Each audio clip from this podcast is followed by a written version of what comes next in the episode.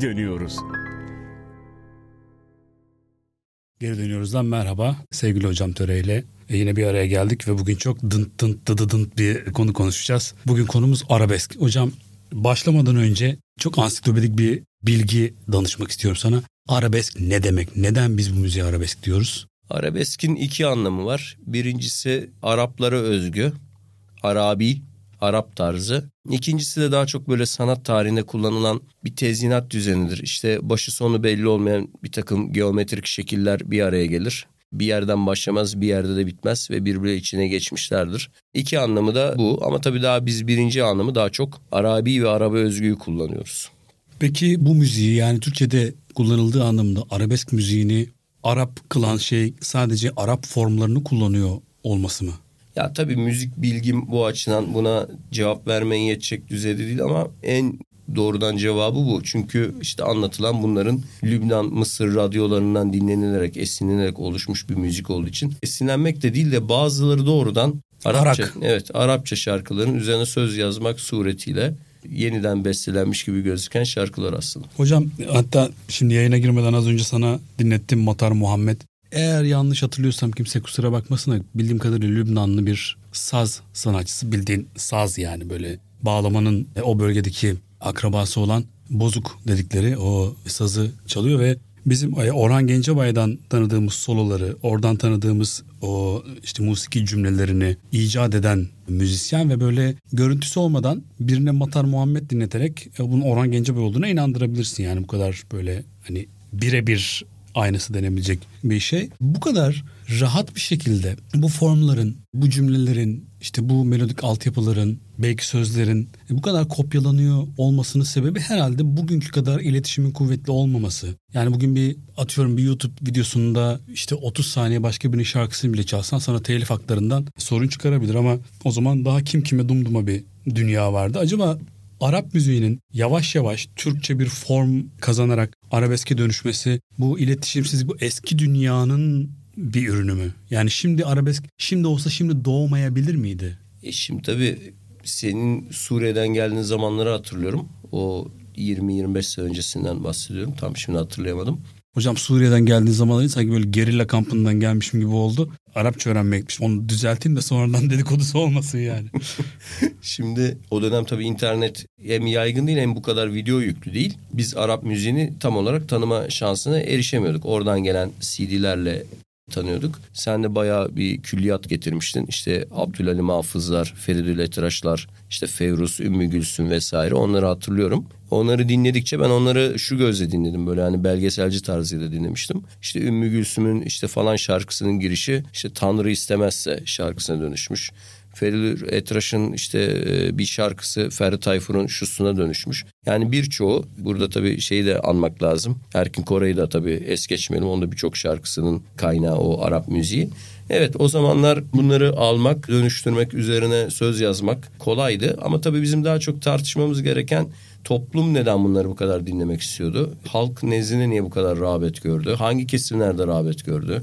Nasıl bu kadar yayılabildiler? Yani bizim çocukluğumuz da dahil olmak üzere Hani sen de diyorsun ya bir iki kuşak böyle hayatını e, harap edecek derecede yani ya onları yaşamak istirecek derecede. Bu Harabatı şebabiye. evet aynen öyle oldu ve Arap aslında orijinallerinde bu kadar karamsar olmayan, bu kadar hüzünlü olmayan, bu kadar üzüntülü de olmayan müzik türleri, şarkılar bize niye bu kadar dünyadan vazgeçiş ve işte köprü altı dediğimiz kültüre dönüştü? Bunlara da bakmak lazım. Asıl ilginç olan da bu. Yani ben bu mesela şarkıların orijinalleri Ümmü Gülsüm söylerken gayet saygın kralın huzuruna falan söylüyor. Yani o Mısır kralı Faruklar falan var ya o Esmahanlar falan. Fakat aynı şarkı bizde işte köprü altında şarapçıların şeylerde yaşayanların demiryolu tünellerinde yaşayanların falan şarkılarına niye dönüştü?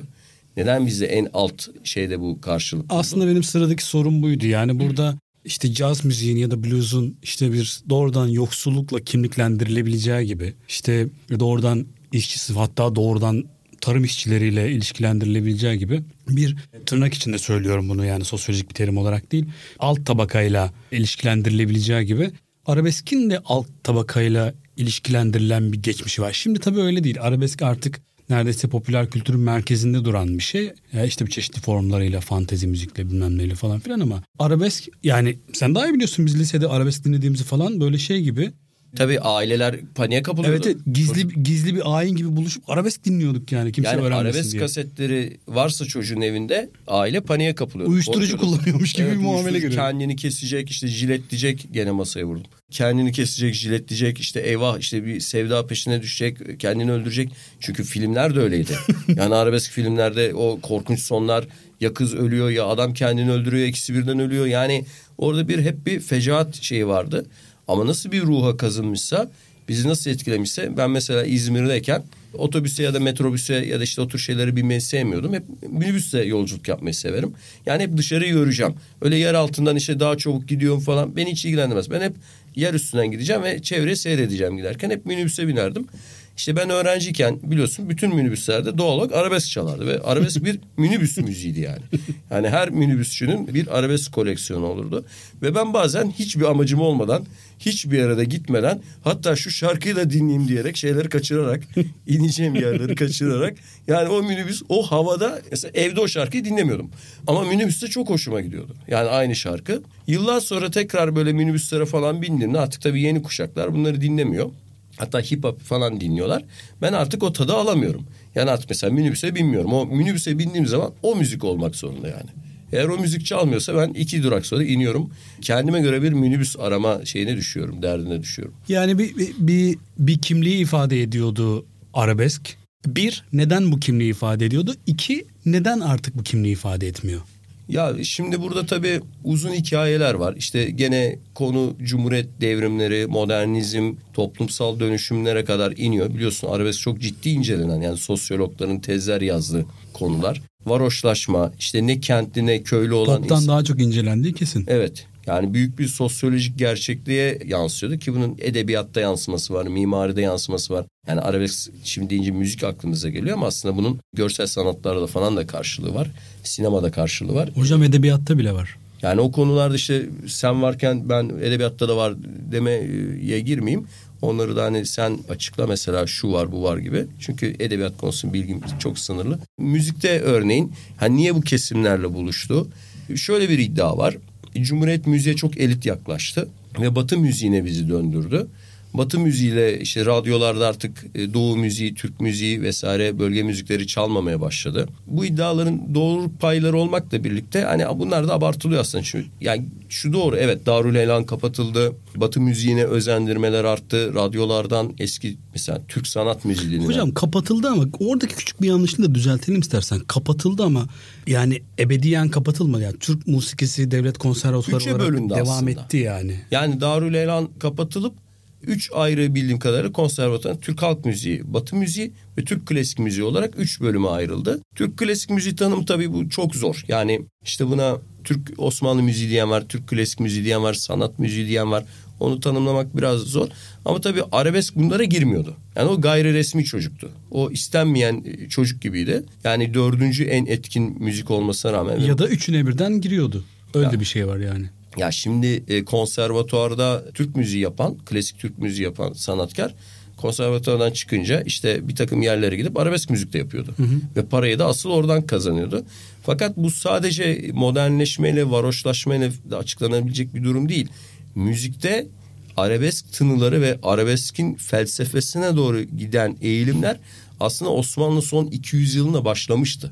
Yani burada gene kaçırılan olgu hani biz hep şöyle düşünüyoruz. Osmanlı bir bıçakla kesiliyor işte cumhuriyet ve modernlik böyle bir şey yok. Yani bu ne zaman başlıyor diye bir araştırmaya girsek buna net bir yıl veremeyiz. Çünkü biliyorsun mesela bizim müziğimizin asıl kaynağı meragi. Yani en büyük kaynak bu. Yani bu iş böyle başlıyor. Şimdi hadi bunun içine ıtrıyı da alalım falan. Ama mesela dedeye geldiğimizde e, müzik değişiyor. Yani dede kesinlikle şey gibi değil. Meragi gibi değil yani. Batı etkisi onda çok bariz belirgin. Hatta ben sana hep şey sorardım ya. Ya Mahir derdim. Ben niye şu makamları dinleyebiliyorum? Mesela Ferah Feza çok rahat dinleyebiliyorum. Nihavent çok rahat dinleyebiliyorum. Her türlü severim dinlerim. Buselik. Hicaz. Hicaz'ı dinleyemiyorum mesela.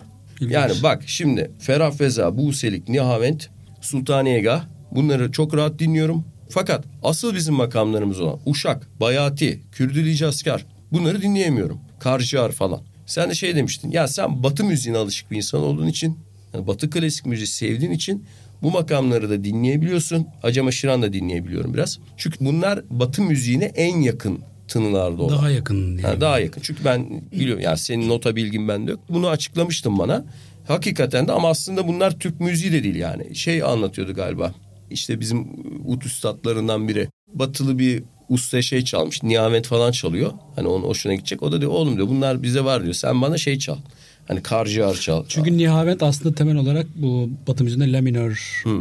denen gama karşılık geliyor yani. Hani Batı müziğinde karşılığı var yani bu şeyin. Ama Ama işte Osmanlı'da çok kullanılmayan bir makam olan Nihavend'in 19. yüzyıl sonlarına doğru giderek gücünün artmaya başladığını görüyoruz. çünkü Batı etkisi artıyor. Yani mesela işte Buselik gibi, Sultaniyegah gibi, Nihavend gibi yani klasik Osmanlı müziğinde aslında çok denk kullanılmayan, çok rağbet edilmeyen. Örneğin işte Mevlevi ayinlerinde vesairelerde o karlarda e, 10 dakika 15 dakika süren o şeyler karlar yavaş yavaş kayboluyor. Biliyorsun bu Hacı Arif Bey döneminde şarkı formu. E, 4-5 dakika süren şey başlıyor. Hatta birçok müzik kuramcısı bu arabesklerin falan kökeni aslında Hacı Arif Bey'e kadar dayandırıyorlar. Evet. Çünkü yandım, bittim, öldüm, e, kahroldum tarzı söz dizileri işte bu dünyadan vazgeçiş biliyorsun melankolik de Hacı Arif yani. Hatta cenazesine de beş kişi mi ne gitmiş. Yani bu ilginç bir hayat hikayesi var. Gerçek yani yaşamı hakikaten çok şey. Rint yani. O şey Osmanlı son dönemi zaten başlamış. Yani müzikte batı etkisi ki biliyorsun yani arabeskte neticede tam bir Arabi müzik değil. İçinde e, batılı formlar var. O Abdülhalim Hafızlar, Ümmü Gülsümler salt klasik bir Arap müziği yapıyor değiller. Onlarda da bazı batılı etkiler şeyler var. ritimler hatta. Va- var yani müzik aletleri zaten. Elektro gitar hepsinde var örneğin. hepsinde var yani o Evet. elektro. Ama o elektro gitarı tabii şey çalıyor. Evet, evet, çok baskın bas tonları var bilmem neleri var falan filan. Bu araya tabii, tabii çok küçük bir parantez açalım. Yani Batı müziğiyle bizim kendi müziğimizi e, yapısal olarak e, nasıl ayırıyoruz, neden ayırıyoruz? Bunu çok böyle ayrıntıya girmeden şöyle basit bir şeyle anlatmaya çalışayım. Batı müziğinde do sesiyle re sesi arasında sadece bir tek ses vardır. Bir yarım ses. Do diyez sesi vardır. Yani do, do diyez, re diye devam eder bu. Ama Doğu müziğinde Do ile Re arasında çok daha fazla ses var. Bu çok daha fazla ses Batı müziği enstrümanlarıyla ifade edilemiyor. Çünkü örneğin piyano bu ses aralığındaki o küçük sesçikleri tanımıyor. Ya da işte gitar tanımıyor çünkü gitarın perdeleri var. Keman tanıyor o çünkü perdesi bir alet. Bu enstrüman yani bu müziği yapabilmek için perdesiz enstrüman yani daha geniş ses aralıklarına sahip enstrümanlar gerekiyor. İşte bu batı müziği yani bu da tabii Bach'a kadar gidiyor. Yani Bach'tan önce yine batı müziğinde de var bu sesler özellikle işte şey biliyorsun ya o Rönesans müziğinde e, hep böyle böyle makam tonlarına yakın tınılar duyarsın. Ama e, tam müziğin tampere edilmesiyle yani Bach'la e, birlikte bu zamana kadar uzanan bu zaman diliminde bu sesler kaybolmuş. Dolayısıyla da biz iki dünya yani batı müziğinin dünyası ve doğu müziğinin dünyası birbirimizden çok net bir şekilde ayrılmışız. O sesleri onlar kaybetmişler. O sesler bizde hala yaşıyor. Çünkü biz bizim müziğimiz tampere edilmediği için bu makamı oluşturan o minicik ses aralıkları yani batılılara enstrümanın akordu bozulmuş gibi gelen sesler bizde hala yaşıyor. Dolayısıyla da bizdeki makam e, müzikleri daha bizim içselleştirerek yaşattım. Yani çok basit bir örnek vereyim. Örneğin Dandini Dandini Dastana ninnisi Hicaz makamındadır mesela ve hani e, daha atıyorum iki aylık bir bebekken bile böyle Hicaz dinleyerek uykuya dalarsın ya da işte onunla huzur bulursun, onunla sakinleşirsin falan. Bu bizim çok içselleştirdiğimiz bir şey. Yani bu batıya inat hayır biz bunu yaşatacağız değil. Bizim müziğimiz batı müziği gibi böyle bir sistematiğe oturmadığı için yani geldiği gibi devam ettiği için bu sesler bizde hala yaşıyor. Bizde makam geleneği hala yaşıyor. Bizdeki makam geleneği batıda artık gam dizilerine dönüşmüş.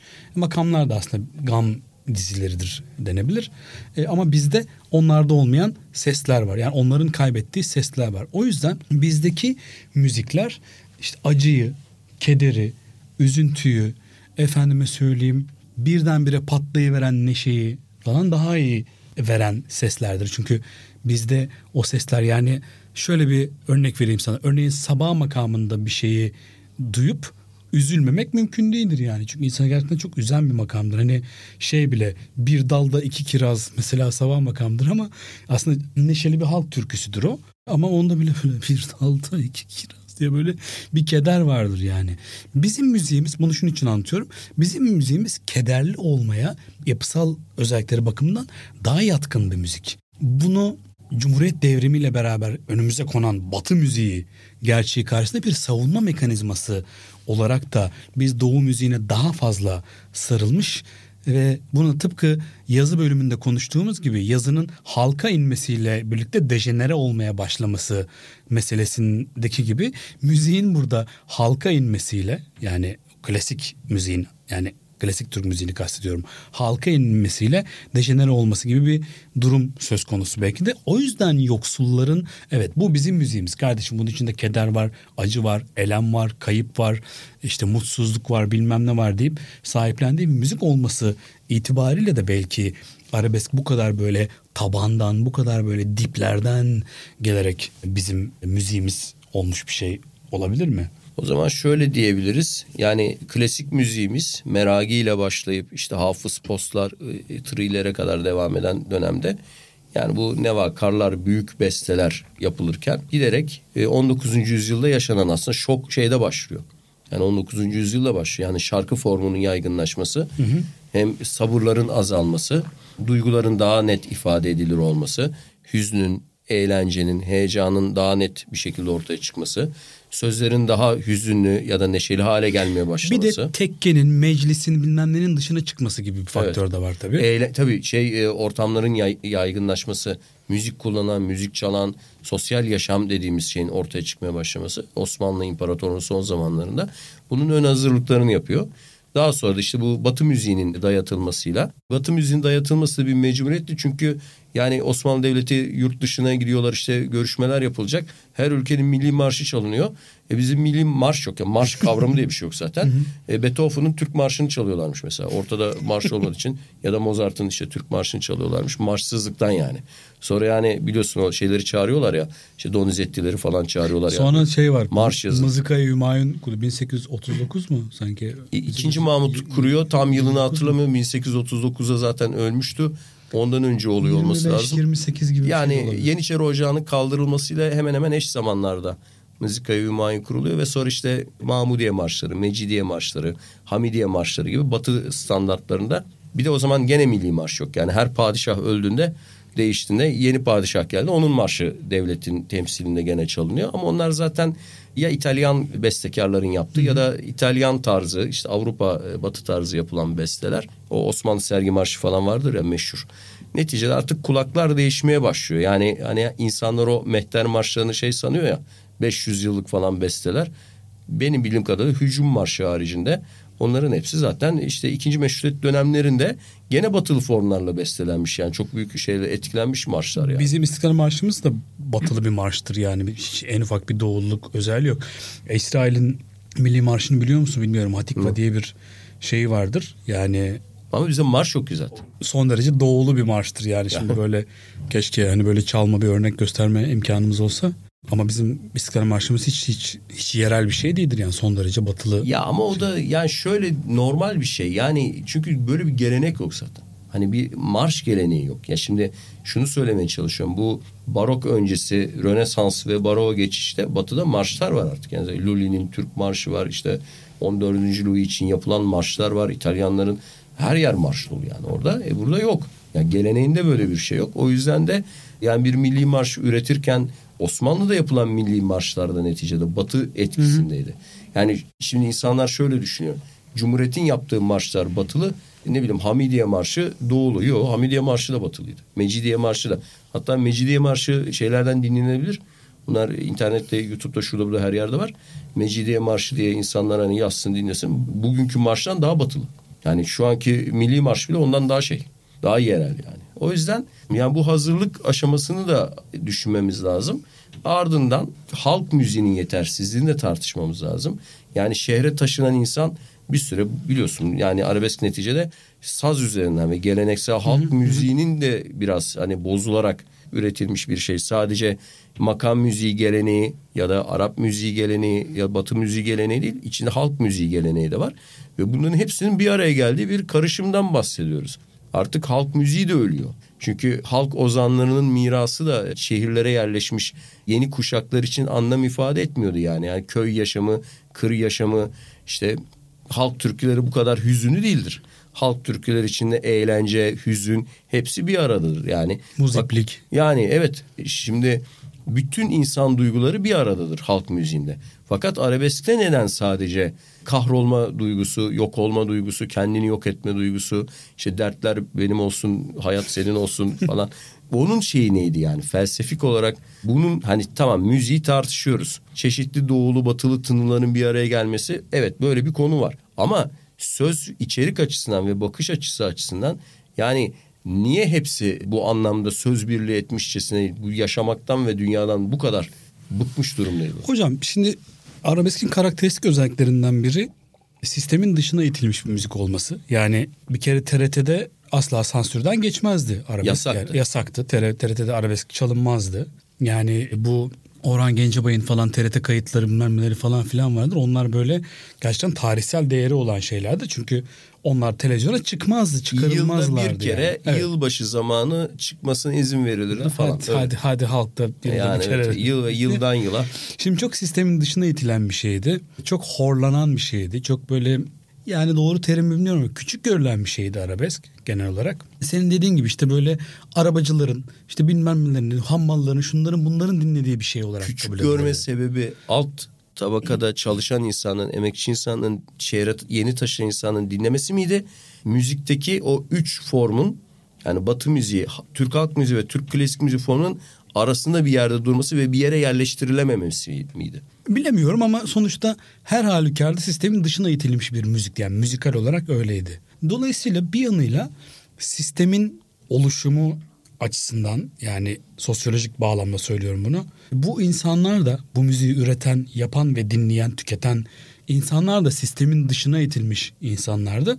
Orada bir duygudaşlık oluştu. Orada bir duygu birliği oluştu. Belki de bunun etkisi vardı bilmiyorum ama sana şunu sormak istiyorum. Şimdi 70'lerin ortalarında halkın artık yönetime ortak olmayı konuştuğu bir zaman.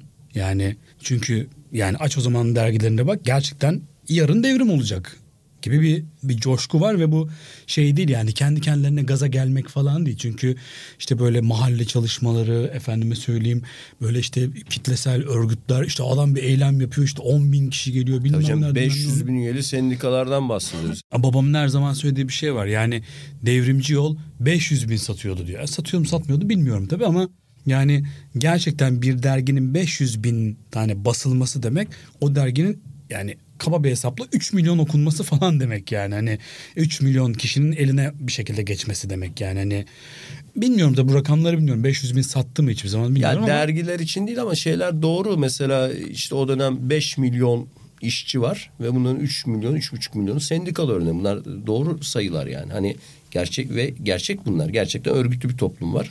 Ve insanlar faal yani politik.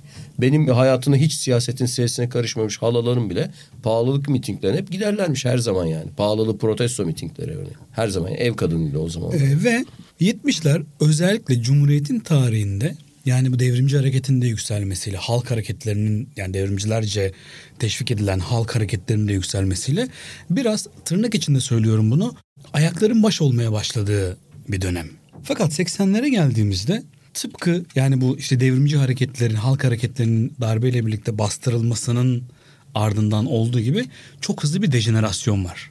Her şeyde çok hızlı bir dejenerasyon var ve bu ayakların baş olduğu yani o iklimin o atmosferin değişmeye başladığı zamanın hemen arkasından böyle bir yenilgi dünyası yani halkın e, doğrudan içinde bulunduğu bir yenilgi dünyası içinden böyle bir müzik çıkardı gibi hissediyorum. Yani 80'lerin arabesk parçaları 70'lerin arabesk parçalarına kıyasla daha hayattan ümidini kesmiş, daha böyle tatsız, daha şey konulara işte böyle gönül işlerine dönük. Yani 70'lerde Orhan Gencebay'ın yaptığı şarkılarda işte kula kulluk edene yazıklar olsun. İşte düzen bozulmuşsa ben mi yarattım bilmem ne falan. Evet hatta filmleri var değil mi? Hani gece konu yıkımlarına karşı Evet, evet. alt direnişi falan Evet, evet. filan. O, Yani. Politik denilebilecek filmleri var. Yani biz bu arabesk dinlediğimiz zamanlarda işte lisede şurada burada falan kendimize hep şeyi anlatıyorduk böyle ya sonuçta yani bunun da bir kendince bir solcu bir tarafı var falan diye ikna etmeye çalışıyorduk kendimize. Yokmuş tabii de.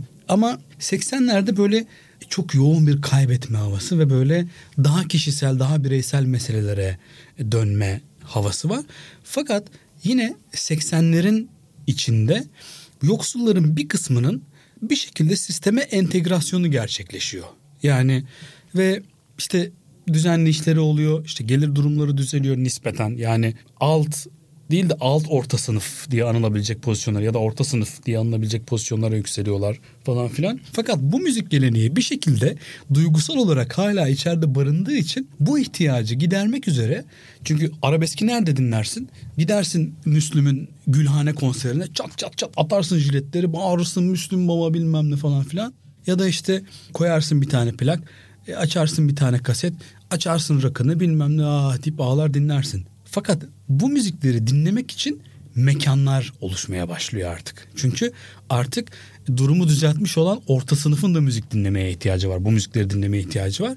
Ve bununla birlikte arabesk müziğin yeni bir formu ortaya çıkıyor. Taverna müziği. Ve bu taverna müziği döneminde artık biraz daha böyle yani rakısını köprü altında karışık baharata parmak banarak deyip değil de işte böyle deniz kenarında işte yeni kapıda şurada burada balık yiyerek deniz manzaralı bilmem nerede dinleyen adamın da dinleyebileceği mekanlara da taşınıyor bir kısmı ve e, Çünkü taverna şöyle oldu. 70'lerde Orhan Gencebay ve Ferhat Tayfurlar'la bu iş başlarken bu insanlar gece kondularda yaşıyorlardı.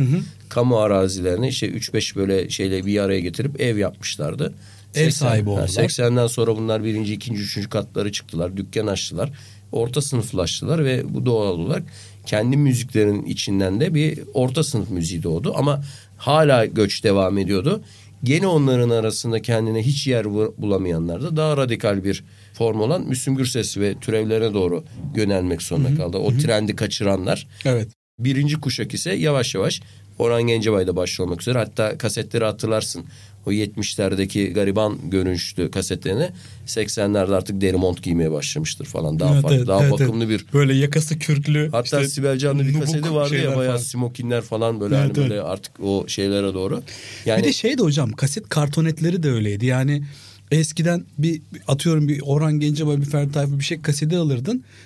Sadece ön yüzü olurdu kapağın. içi boş olurdu mesela. İçinde hiçbir şey yazmıyor. Sözler falan. mözler, hiç- Sözler yok. şey şarkıların isimleri yazmıyor. Sadece bu altta böyle ince bir bant olurdu. Orada yazardı şarkıların isimleri. Sonra dediğin gibi façalar düzeldi. Arabalı fotoğraflar. işte kürklü bilmem neler falan filan. zaten arabeskin içinde hani özellikle tam İbrahim Tatlıses tam arabesk değil ama bir hani yükseliş trendiyle beraber o sınıfların o yükselmesiyle hani artık dünya nimetlerine yani o şey derler ya bir öyle de güzel bir yazı var hani ben de isterim devrine doğru geçildi. Yani oranın o dertler benim olsun mutluluk senin olsun hani vazgeçişinden hayır bu dünyada benim de payım var. Gerçi oranda da var o her benim de payım vardır onda da vardı ama o bir de şöyle bir itiraz var yalnız. Benim de her 70'ler. şeyden bir hakkım vardır Evet. ama o başka bir şey. Evet o o, o daha ha- solculuk evet, zamanından 70'li kalma bir şey 70'li tabii. yıllar. O zaman ama ona da şöyle bir eleştiri vardı hatırlarsan. 70'li yıllarda Orhan'ın ve o dönemin arabeskin toplumsal mesajlar vermesi yükselen o sosyalist hareketin önünü kesmek için yani yoksulları bir şekilde barıştırmak yani isyanı yöneltmek yerine isyan etmeden ya da kendi içinde isyan ederek duygusal isyan ederek ya da Acısız değil mi? Feryat- vardı, hatırlıyor Evet, musun? feryat ederek yani. Orada o toplumsal mesajları bu yüzden veriyorlardı. Çünkü gerçek bir şey yükselişi vardı. O yükselişin yerine bu şey aldı. Hocam senin telefonun çaldı. İlber Ortaylı gibi yerine telefon mu çaldı? Yani nerede çalıyor bilmiyorum. Şeyde miydi? Orhan Gencebay arıyor olabilir abi. E, neyse e, e, Töre Hoca telefonuna baktı. Bankadan aramışlar kredi kartı vereceklermiş. E, Yok ya şimdi- savcılıktan Sa- arıyoruz. Savcılıktan Orhan Gencebay dava açmış sana. Şimdi darbeden sonra toplumsal hareket bittiği için yani o sosyal mesajlar dönemi de bitti. Gerek kalmadı yani artık. O yüzden böyle bir eleştiri de var. Yani yoksulları e, gerçek mücadeleden uzaklaştırıp hani kaderci İşte bu bizim kaderimiz. İsyan edelim ama çok da bu isyanı şeye taşımayalım gibi. Yani öyledir zaten. Oranın o şarkılarına baktığı zaman bir feryat vardır, itiraz vardır, isyan vardır ama hiçbir sonuca da ulaşmaz. Allah'a bile isyan var canım ya sadece İsyan öyle. var ama sonuç yok. Yani şey önermez, çözüm önermez. Hiçbir zaman şarkılar. Yani bana kaderimin oyunu mu bu? Evet, evet orası Yani, öyle tabii. yani Hiçbir bir zaman. çözüm önermeyen bir isyandır o. Ve şeyi de anlayamazsın. Yani işte e, niye hep dertler onu bulur? Onu da bilemezsin mesela. Şimdi taverna müziğiyle birlikte biraz daha bu durumu düzelten yoksulların arabeski müzik dinleme ihtiyacı giderildi. Fakat sonra köyden kente, kasabadan yani kırsaldan kente göç artık böyle geri dönülemez bir olguya dönüştüğünde yani kentler devasa kasabalara dönüştüğünde demek daha doğru belki. Çünkü bugün İstanbul'un örneğin nüfusunun herhalde yüzde seksenlik bir kısmı İstanbul'un dışından gelip İstanbul'a yerleşmiştir. Belki daha bile fazlası. Ve bu tarihte ilk defa böyle oluyor. Bunu da parantez açalım. Osmanlı e, asırlarında İstanbul'a böyle göçler olmuyordu. Devlet buna izin vermiyordu. Tezkere gerekiyordu Tabii çünkü. dedesinin İstanbul'da doğduğunu yaşadığını kanıtlayamayanları 50 yılda bir 40 yılda bir neyse dönem dönem İstanbul'dan çıkarıyorlardı. Özellikle Rumeli'den gelen Anadolu'dan gelen aileler sürekli kontrol ediyorlardı. O yüzden mesela Osmanlı'da niye klasik müzik vardı ve sadece halk müziği vardı? Çünkü kentli kentliydi, köylü de köylüydü. Net bir ayrım vardı. Osmanlı'da e, iki kültür olmasının sebebi buydu. Sonra buna batılılar, batılı kültür et- eklendi üçüncü şey olarak. Burada ise biz bir dördüncü ekleme görüyoruz. Yani kentli ve köylülük arasında kalmış yeni bir tabakayla karşılaşıyoruz. İşte bu büyük kentlerin senin az önce varoşlaşma dediğin şeye ilaveten söylüyorum. Hızlı bir şekilde varoşlaşmasıyla bu arabesk denilen şey çünkü yani köyden geldi, kasabadan geldi, taşlıdan geldi, işte küçük taşla vilayetlerinden, kazalarından geldi falan filan ama burada öyle kalmadı tabii yani bir yanıyla kendi o geleneksel aile yapısını işte ahlak yapısını şusunu busunu bilmem nesini korudu ama bir yandan da şehirli oldu yani. Bundan, bundan ka- kaçınamazsın sonuçta. Bir nesil olmasa ikinci nesil dönüşecek şehir hayatının kendi akışı içerisinde. Ve ortaya şey çıkmaya başladı. Yani bütün bir şehir kasabalılardan oluşan, köylerden oluşan devasa bir kasabaya dönüşünce bu sefer bu arabesk form değiştirerek bugün artık popüler kültürün merkezinde duran fantezi müziğe dönüştü. O da aslında kökeni arabesk olan işte bu taverna sınavını atlatıp bugüne kalan bir arabesk formu olan giderek poplaşan Orada biraz tabii Grek, Yunan etkileri de başladı. Yani Akdeniz'in bu tarafından değil de biraz şu tarafından da gelen biraz da etkiler oradan var. araklayalım. Evet biraz da oradan gelen yani sosyal tabakalar, sınıf atlamalar arttıkça biraz daha Akdeniz'in zengin ülkelerinden de şeyler başladı. Bir de tabii şey var yani memleketteyken Arap radyolarını dinliyordu. Bu tarafa gelince Yunan radyolarını dinlemeye Evet başladı. eskiden Yunan radyosu çekerdi her yerden çeker. Bizim Bandırma'dan falan yani çekerdik evet, çekerdi yani. Yunan radyoları. Burada sana iki şey soracağım. Birincisi bu müzikteki değişimde şu var. Hani biliyorsun Darül Elhan falan kapatıldıktan sonra Türk müziğinde özellikle Nevzat Atlı geleneğinde falan bu ritimler kaldırılmaya başlandı. Böyle kudümler, e, davullar, bendirler falan ortadan kalktı ve bizim müziğimizde yani bu Zeki Müren'in radyo döneminde 50'li yıllarda işte o artık Mesut Cemil'lerin son dönemlerinde falan sadece insan sesi onu bastırmayan bir işte yaylı ya da telli çalgılar var. Şeyler yok artık. Davullar, ritimli, vurmalı çalgılar ortadan kalkıyor. Acaba bu buna bir tepki olarak da mı arabesk aşırı bir şekilde ritim ve Düm düm teke tek. evet yani bir darbukanın mesela bizim şeyimizde darbuka yoktur. Yani klasik Türk müziğinde, Osmanlı müziğinde darbuka diye bir şey yok. Yani Darbukanın benim adı bile Türkçe değil Yani zaten. benim bildiğim böyle bir şey yok. Hani bendirler tamam bunlar var ama tefler, bendirler şunlar bunlar neyse. Ama e, acaba bu vurmalı çalgıların tamamen terk edilmesiyle buna bir tepki olarak mı arabeskte özellikle insanlar bu ritimlere kendini kaptırma ve o hareketli müziğe döndüler. Bunu e, soruyu şeye bağlamak istiyorum. Yakınlarda okudum bunu. E, Nietzsche'nin bir Wagner eleştirisi var. İşte ya öyle bir Wagner dinlerken diyor her yanınız oynamak istiyor diyor. Ayağınızı ritim tutuyor, kalbiniz sıkışıyor, heyecan duyuyorsunuz. Yani müzikten başka her şey hissediyorsunuz diyor. Yani vücudunuzla katılıyorsunuz bu müziğe diyor ve ona göre yani Nietzsche'ye göre bu müzik değil. Yani bu bir beden hareketlenmesi ya bugün modern şeylerde bu çok yaygın. Acaba arabesk böyle bir ritim gücüyle veya vurgusuyla bir kapı mı açtı, pencere mi açtı? Yani şeyin kapattığı o Türk müziğinde vurmalı çalgıların ortadan kalkmasını yarattığı boşluğa ulaştım. Birinci sorum bu. Unutma. İkinci sorum da arabesk kültürü nasıl oldu da anam da babam da sensin şaraptan dönüp dolaşıp böyle hani muhafazakar ideolojilerle bütünleşebilen uyuşum sağlayan bir şeye dönüştü. Geçenlerde hükümet adamlarından biri, şimdi kim olduğunu hatırlamıyorum ama önemlilerinden biri şey dedi. Biz dedi Ferdi Tayfurlarla büyüdük dedi. Orhan Gencebaylarla büyüdük dedi. Benim bildiğim onlar İslami gelenekten siyasi olarak geliyor. İslami siyasi gelenekten gelen biri nasıl Ferdi Tayfur'la büyümüş ya da Orhan'la büyümüş ben anlayamıyorum. Yani ben Orhan'la büyüdüm gerçekten. Ama o şey bana çok inandırıcı gelmedi. Niye? Çünkü hani anam da babam da sensin şarap işte meyhaneci bir tek sırdaşım diyen Orhan'la nasıl büyüdü? Ve büyüdü de nasıl böyle bir siyasal iklimle karşımıza çıktı?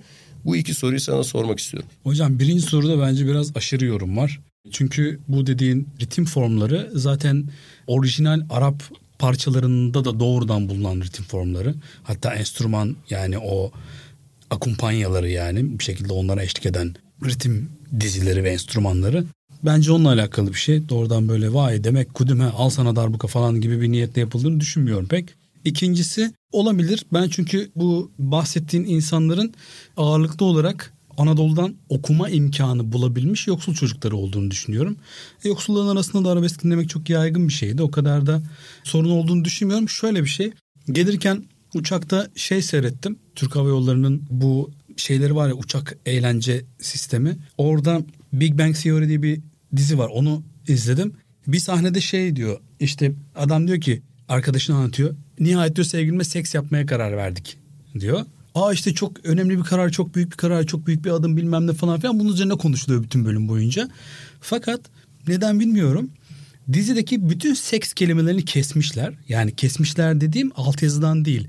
Baya yani işte şey diyor mesela we decided to have diyor mesela seks demeden kesiyor falan. Yutuyor gibi. Yutuyor. O- falan. Ve böyle bütün bölüm boyunca şöyle şeyler diyorlar böyle. Bilmem yapmaya karar verdik falan. Yapmanız çok önemli. Artık yapılması lazım falan. Böyle sürekli bir yapmak var böyle. Hani seksi saklayın derken böyle daha korkunç bir şey ortaya çıkıyor falan böyle. Yaptınız mı falan böyle sapık gibi sürekli herkes böyle yapalım mı falan böyle bir, bir şeye dönüşmüş falan. Belki öyle oraları sansürleyerek falan dinliyor olabilirler yani. Bana hiç inandırıcı gelmedi cevabın. Hiç tatmin olmadım. Ben Ama seks e, falan kattım inandırıcı olsun Yok diye. yani o dizi hakkında bir şey diyemiyorum canım. Onlar inan, gayet inandırıcıydı o şey. Hatta Tanrı Baba kelimesini sansürlüyorlardı ya. Sezercik filmlerinde. yani rahatsız olup. Ben yani aynı zamanda birçok bu siyasi gelenekten gelen arkadaşım var.